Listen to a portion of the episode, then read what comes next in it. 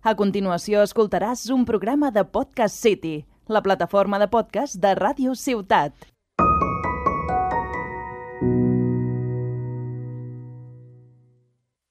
Resident Evil.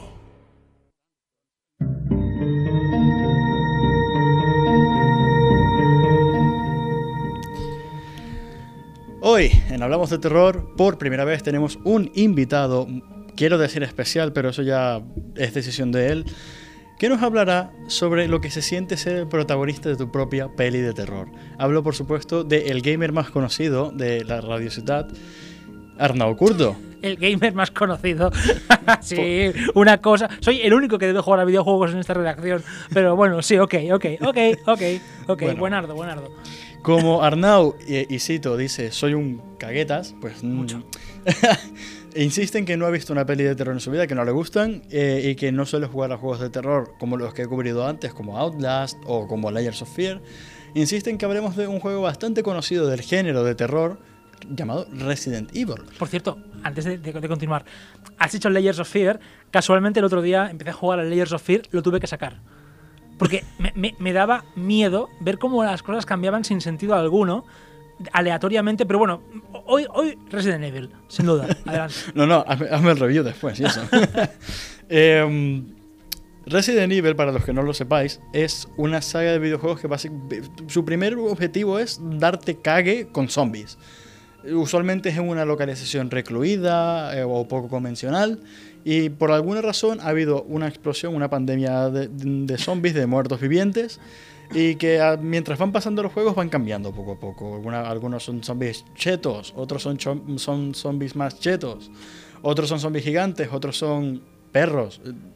Varía la forma. Sí, varía un poco la forma porque además es que empezamos con zombies, luego esos zombies al, al Resident Evil 4 se pasan a llamar las plagas, luego son eh, los infectados y bueno, es un poco raro, pero al fin y al cabo es se basa en todo lo mismo. Son gente que no debería estar muerta, pero lo está y a la vez está viva. Mal rollo. Sí, bueno, va cambiando muchísimo. De hecho, ahora Y en ahora solo es una infección vírica, ahora es una infección por hongos, como en el Last of Us. Es un poco muy raro. Sí, en los últimos dos juegos ha sido una, infe- una infección por hongos. Básicamente es todo de riesgo biológico. De hecho, el título original, si no me equivoco, era Biohazard. Biohazard, correcto. Era Biohazard. Y es lo que te proponen desde el principio. Todo alrededor de una corporación sospechosa llamada Umbrella Corporation, una, una corporación farmacéutica. De hecho, hace poco se leo una noticia de una, de una compañía farmacéutica china, me parece, que tenía el mismo logo. Sí, correcto. Sí, sí, sí. No me acuerdo cómo se llamaba, pero sí, sí. Que tenía el mismo logo. Y yo no sé si eso se entiende como una referencia o, o como una advertencia o incluso una amenaza. Pero, pero sí. En principio cambia muchísimo todo, pero, pero vamos a... Háblame, háblame El- tú de tu experiencia. el- ¿Cómo se llama? La, mm, la empresa china tiene un nombre, es RLSW Shanghai Ruilan Biological Technology. No sé si, no No sé me- si no es, me- es- es cierta o no, a lo mejor es un, un fake que nos hemos comido como unos pepes, pero es bonito imaginarse. es bonito imaginarse que el mundo se va a llenar de zombies en unos años. Sí, pero bueno, bueno. Pasemos ya a Resident Evil bien. ¿Qué sientes cuando juegas Resident Evil? ¿Cómo- ¿Cómo llevas lo de ser el protagonista de todo el apocalipsis zombie que te está rodeando? Es que depende, porque no todos los juegos de Resident Evil se... Yo voy a decir Resident Evil. Siempre yo nací así, con este... O sea, jugué así, con este nombre, Resident Evil, aunque sé que es Resi- no, Resident Evil, pero al final... Aquí yo no soy es- profesor de no, inglés no, tampoco. No, no, soy tampoco. ¿Qué, qué siento cuando juego a, a Resident Evil? Es que depende mucho del juego, porque el 1, el 2 y el 3 son juegos en tercera persona, en una vista pre-renderizada, que no llega a ser una primera persona, porque no lo es en absoluto, es una tercera persona. Luego está el 4, que el 4 es una semi primera persona, porque está en vista de, de hombro, ¿no? En, en- en tres tercios.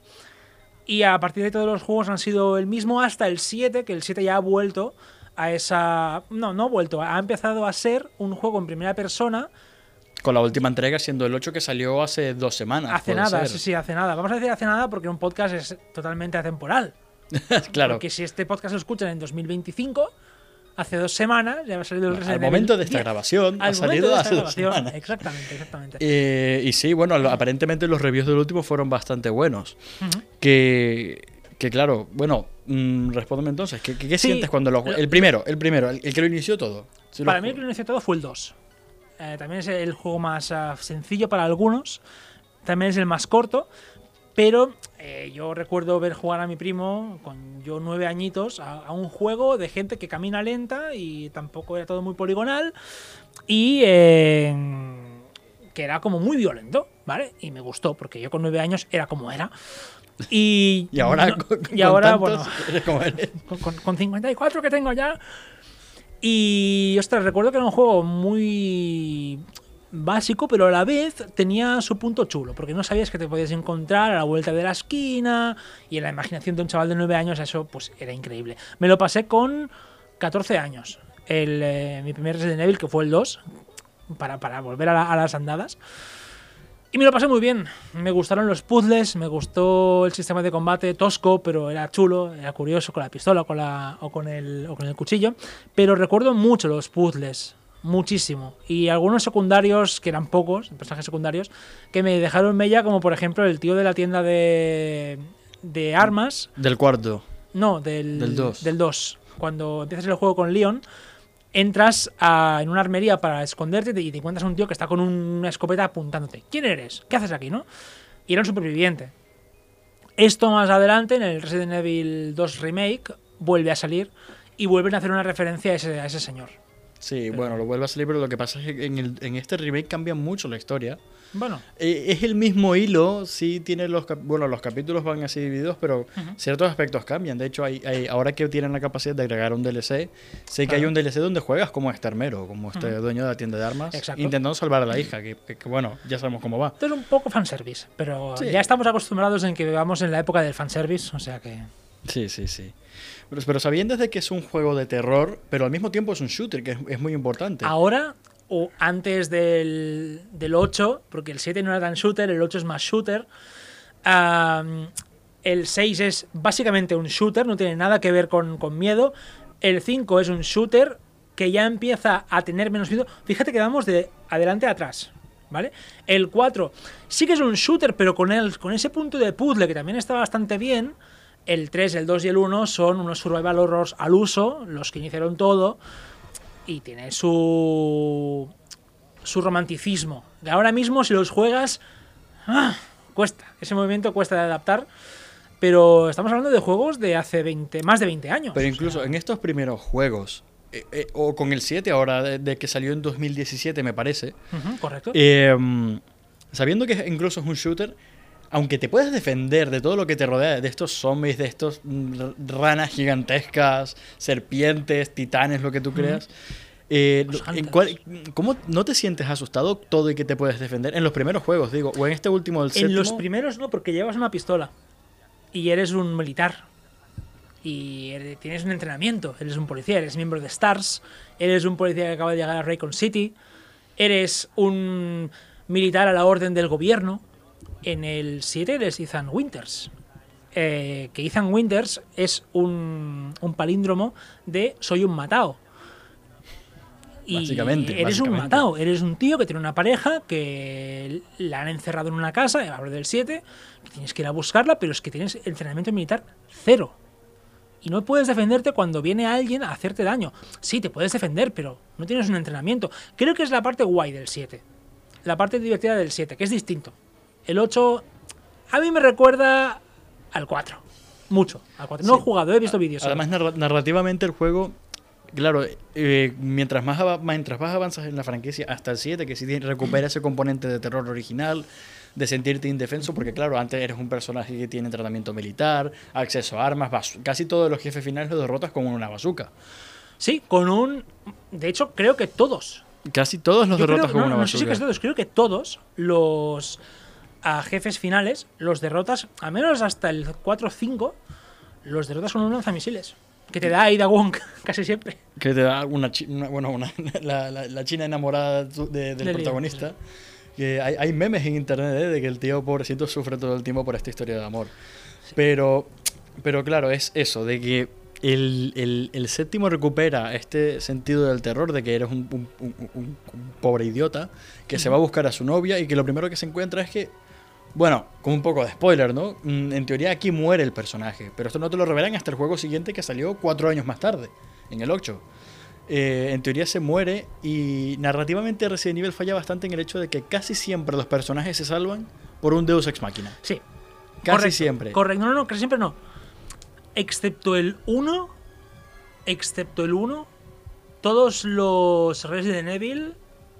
Es que me, me cuesta llamar Resident Evil al 5 y al 6, pero el 1, perdón, el, el 2, Ada Wong te lleva con un bazooka. Y sale de la nada Y también. sale de la nada. En el 3 te lo da un tío en un helicóptero. En el 1 te lo da. eh, te lo da Barry. Te lo da Barry, ¿vale? Que es un, un- un personaje de, de ahí. En el 4 te lo vuelve a dar Ada Wong. Se, se hace viejo. Es que en el 4 incluso puedes comprar el lanzamisiles al buhonero, que es el, el- el mercader, y puedes comprar hasta dos lanzamisiles, con los que básicamente te cargas a dos jefes finales. De una atacada. De un disparo. Sí. Certero, porque si fallas tienes que matarlos. Pero es que es así. Pero bueno, ese, ese componente de, de- de acción que siempre está, vale. Pero ahora te pregunto, o sea, ¿cuál es el componente de terror de estos juegos? O sea, ¿cómo entregan ellos el terror? Porque es un juego de miedo. El terror, se ha ido, el terror se ha ido diluyendo. Creo que el, el principio de la saga, más que terror, estábamos hablando de un... em, abro la puerta, porque recordemos que hay transiciones en los primeros juegos de abres la puerta y se ve al personaje abriendo la puerta. No sabes lo que hay detrás. Pueden haber zombies en la siguiente pantalla pre-renderizada, por supuesto que pueden haber zombies. O te pueden dar un susto, un jumpscare con unos am, perros que saltan de las ventanas y te persiguen por todo el pasillo. Por supuesto que sí. Yo creo que ahí es el componente de, miedo que tiene los primeros Resident Evil. Después a partir del 4, que era un miedo más relativo, yo creo. Un miedo de, hostia, más, más asco que miedo, ¿no? O sea, más el bicho está babeante, este- este bicho babeante que me acaba de dar el, una el hostia. horror gráfico. el horror gráfico, exactamente. Una, una- persona que le petas la cabeza y salen tentáculos y, te- y- y- y ¿cómo? No lo sabes. ¿Cómo? Y encima que hay una, una probabilidad de 1,5 de que, de que salgan en cada monstruo que matas. Se va subiendo cuando avanzas en el juego. Es- Eso lo leí el otro día, me hizo, me hizo mucha gracia. que puede, puede salir un- un- unas plagas o no. Y hay tres tipos de plagas. Sí, recuerdo en el cuarto juego que había un enemigo que se regeneraba, no importa lo que hicieses, le podías reventar Sí, la cabeza, podías le tenías solo el- que apuntar a. Con un francotirador. Con un francotirador con, Con mira, mira. con mira térmica a los. ve- Veías los bichos. Y si los matabas todos, explotaba el bicho. Sí, sí. Pero está guay ese, ese enemigo, ¿eh? Sí, bueno, pero la primera vez que te lo encontrabas, eso daba miedo. Porque no tenías manera, o sea, tenías manera de defenderte, pero era totalmente inútil. Y porque era el primer enemigo que veías que no era humanoide. O sea, perdón, físicamente sí que era humanoide, pero no había sido un humano Estaba- visiblemente, ¿no? Sí, estaba Porque desfigurado, tienes- ya no, ya Exacto. lo que ves allí es el- la vaga imagen de lo que solía ser, si acaso es que lo Un fue, hombre, sí, una sí, persona. una persona, una Sí. persona, sí, sí. Sí, sí. eh, pero puedes dar ejemplos de otros juegos que te hayan sentido, o sea, de que, de que te hayan hecho sentir así, de que te hayan dado este- esa entrega de miedo. Silent Hill. El Silent Hill, sí, por Sí, bueno, yo solo he jugado al 1, ¿eh? Silent. Hill, he jugado al, al primer Silent Hill y lo recuerdo, con- ahora lo recuerdo con más morriña que se dice, porque recuerdo que una de las am, alarmas que tenías en el juego de que había monstruos cerca era una radio.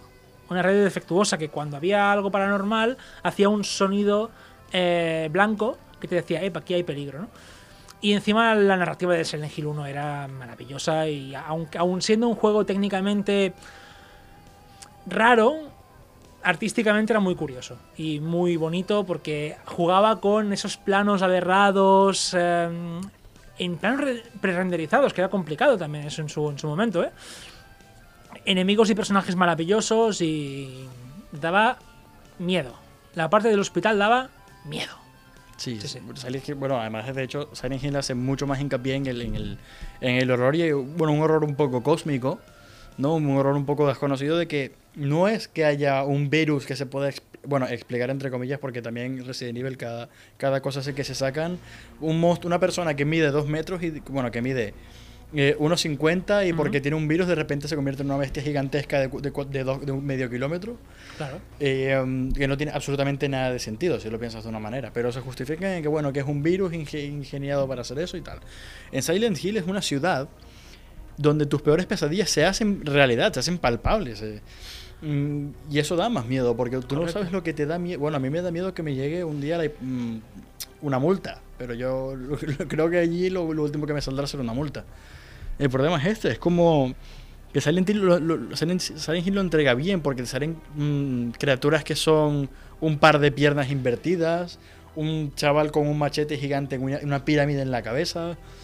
Silent Hill lo entrega mucho mejor. Lo que pasa es que Silent Hill nunca se despega de, de esa raíz de, de horror y demás. Eh, Resident Evil sí, Resident Evil padece algo que para mí es eh, que se hace extremadamente japonés. Sí, no, no, no, sí, sí, correcto. Eh, el horror japonés hay, tiene muchas formas, ¿vale? Pero tiene un, un mínimo común denominador que es el ser un flipado. Porque tienes el terror más psicológico de juegos como Forbidden Zero o algo así, no sé cómo se llamaba. Forbidden Siren, Siren que creo que eres un- una chica o un chico que es fotógrafo y va haciendo fotos y te encuentras a fantasmas con las fotos, o directamente te vas a los tentáculos y a las cosas raras que, A lo no, que solo lo usan en el, en el tema del terror. Sí. Cada uno, a buen entendedor, pocas palabras. Sí, sí, sí. Es, es, es que, claro, bueno, se vuelve extremadamente japonés en el sentido de la acción. O sea, si alguien ha visto medio anime, sabe que la acción tiende a ser súper exagerada, Sí, un, súper. un shonen del terror. Esto- Eh, ¿y- y ¿De de dónde estamos yendo para.? Bueno, jugué una vez un juego que era más, más, más que nada una novela gráfica que se llamaba Corpse, Corpse Party. Y era, súper- era japonés, súper rayante y una historia de terror muy, muy buena. Pero extremadamente larga por- como para cubrir un podcast de media hora. Así ¿Quieres, que. quieres que te diga, ese que estábamos hablando de, de Resident Evil, ¿eh? ¿Quieres que te diga cuál es el juego que más miedo me ha dado? Clock Tower. Este no Clock. Tower es una aventura gráfica, eh, más o menos. en- Espera, sí, en que te, te persigue un tío con unas tijeras. Correcto. Oh, sí. Miedo, miedo, miedo. Y era en 2D. El miedo no solo es un zombie que te venga a por ti. Es más, los zombies a mí miedo, miedo no me dan. No me dan. Y sé que técnicamente es posible que existan. Bueno, en, en- en- en Haití hay cosas de estas que dicen que los reviven con veneno de, pe- de- de un pez. Es una cosa muy rara. Eh, es cosas una cosa... temas de, de- temas vudú. Bueno, George Romero, que fue el, el, el- el que más hizo hincapié durante toda su carrera en el tema de los zombies, y creó varias películas, Dawn of the Dead, eh, Night of the Living Dead, todas estas películas, inspiradas más que nada en eso, en el tema vudú. De hecho, en, la, en Night of the Living Dead, que fue la primera película, ni siquiera se refieren como zombies en esa película a los muertos vivientes, se refieren como gules, que era la, base, sí. la base medieval de, de- de lo que es un zombie, ¿no? Ujú. Eh, hacen que uno de ellos, que de hecho es afroamericano, uno de los protagonistas, em, tenía un tío, si no me acuerdo mal, es que hace poco fue que vi la película también, eh, que era un chamán hindú. O algo, por algo, De- sí, algo sí recuerdo que tenía alguna. No sé si fue en esta primera Night of the Living Dead, pero en una de las George Romero fue que la base era eso, hacer referencia a los supuestos zombies hindús que habían en Haití. Claro. De hecho, en el Resident Evil 5, y volviendo al Resident Evil, se habla de que el origen del virus T es una investigación que se hizo en, en África, con una tribu de África, que usaban un ritual en el cual tomaban una planta, se envenenaban y si salían vivos de ese ritual, se convertían en un nuevo rey. Entonces, eh, la Richard Ashford y no sé quién más, ¿vale? Unos, eran tres, hicieron una, una empresa que posteriormente sería Umbrella y empezaron a buscar usos de esa planta y bueno, ya pues se- se dividieron en dos ramas, ¿no? En la rama de la investigación para la eterna juventud y la investigación para el arma biote- biotecnológica que iba a ser el virus T, el virus G, las plagas, etcétera, etcétera, etcétera. Y ahora mismo, el. Bueno, en inglés se llama The Mold, pero no sé cómo se llama en castellano. El. Bueno, es. El Mo. El, el Mo, porque básicamente es un. Es un. ¿Cómo se llamaba esto? Un hongo. Es un hongo, es un hongo. básica- Bueno, el de, el de estos últimos dos juegos están relacionados y es un hongo. Eh, pero son. o sea, este, este es mucho más, más gráfico que, que- los anteriores. El hecho de que sea en primera persona, el séptimo y el octavo. El octavo, bueno, es que ya ni siquiera son zombies, son hombres lobo y demás. Sí. Y Son- es, es muy raro. No he terminado de ver el gameplay, pero yo no sé conectar. O sea, a lo mejor al final se conecta, ¿vale? Pero no sé cómo conectar el Resident Evil 8 con el 7 y el 7 no lo sé conectar con otras entregas. Y es como que han hecho un reset. Como olvidando lo que ha sido hasta ahora Resident Evil, que de acuerdo, han Hay- sido zombies y hay tal. conexiones. Hay conexiones, pero son más unas conexiones de fanservice o de easter eggs. Por ejemplo, que hay un libro en el Resident Evil 7 que lo escribe una protagonista o un personaje jugable de la saga Resident Evil ah, Outbreak. No, Outbreak no. O Re- sí. la- Revelations. no, Outbreak, Outbreak, que son unos juegos de Resident Evil Online que salieron en la PlayStation 2. Online en PlayStation 2. Que para Con modems de 50 y no sé cuántos K. ¿sabes? Sí, sí, sí. una- conexiones que se iban a la, a la- a la puta. o sea, Pero inclu- incluso con esta separación narrativa del universo de Resident Evil, eh, ¿cuál crees de todos estos casi 15 juegos? Hay que recordar que también son... hay, hay, mu- hay muchos Hay muchos. Son, y como. Final Fantasy, o sea, hay un montón de sagas. ¿Cuál, es, ¿Cuál crees de todos estos juegos que es el que tiene la mejor fórmula para asustarte? Yo desde, yo desde luego pienso que el octavo está muy bien, lo que pasa es que hay mucha acción también de por medio. Como no he jugado al 7 y al 8 como tal, solo los he visto. Resident Evil Code Verónica. Que toma lugar entre el segundo y el tercero, ¿no? Creo. O el... Ese. No, el segundo y el tercero son al mismo cronológic- tiempo. Cronológicamente es después del segundo.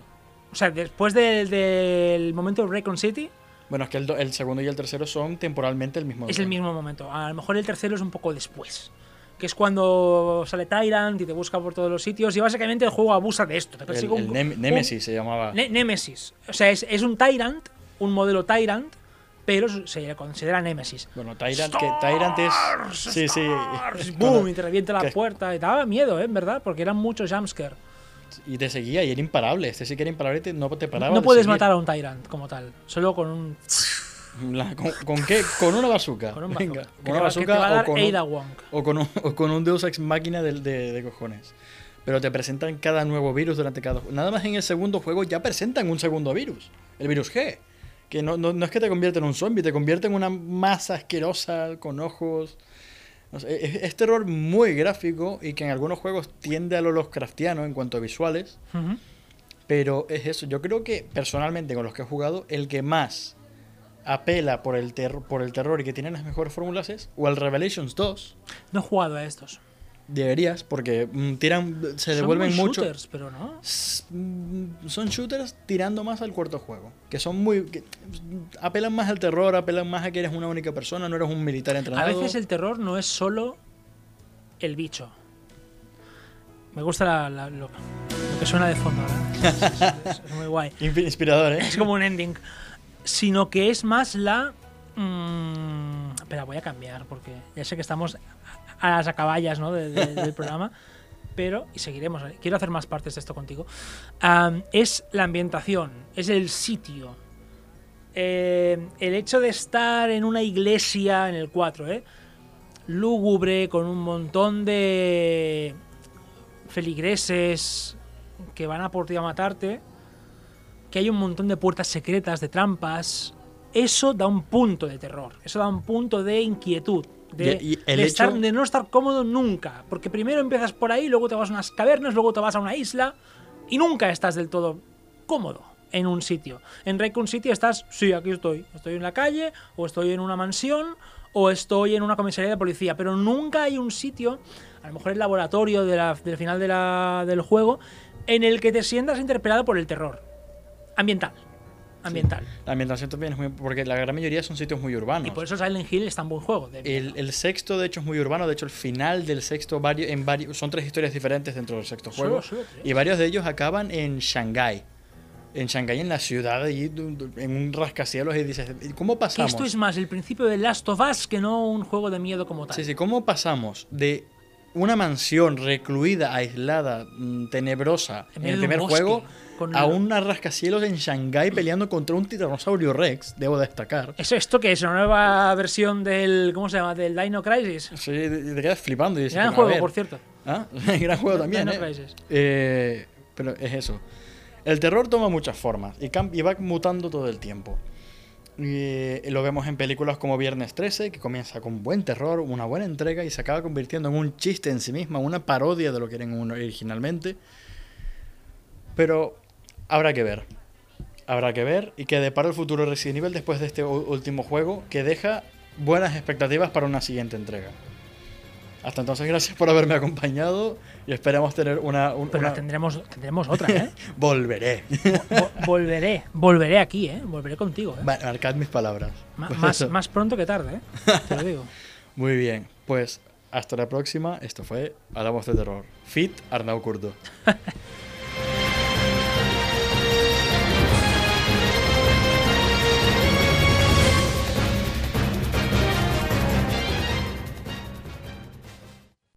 Has escoltat un programa de Podcast City, la plataforma de podcast de Ràdio Ciutat.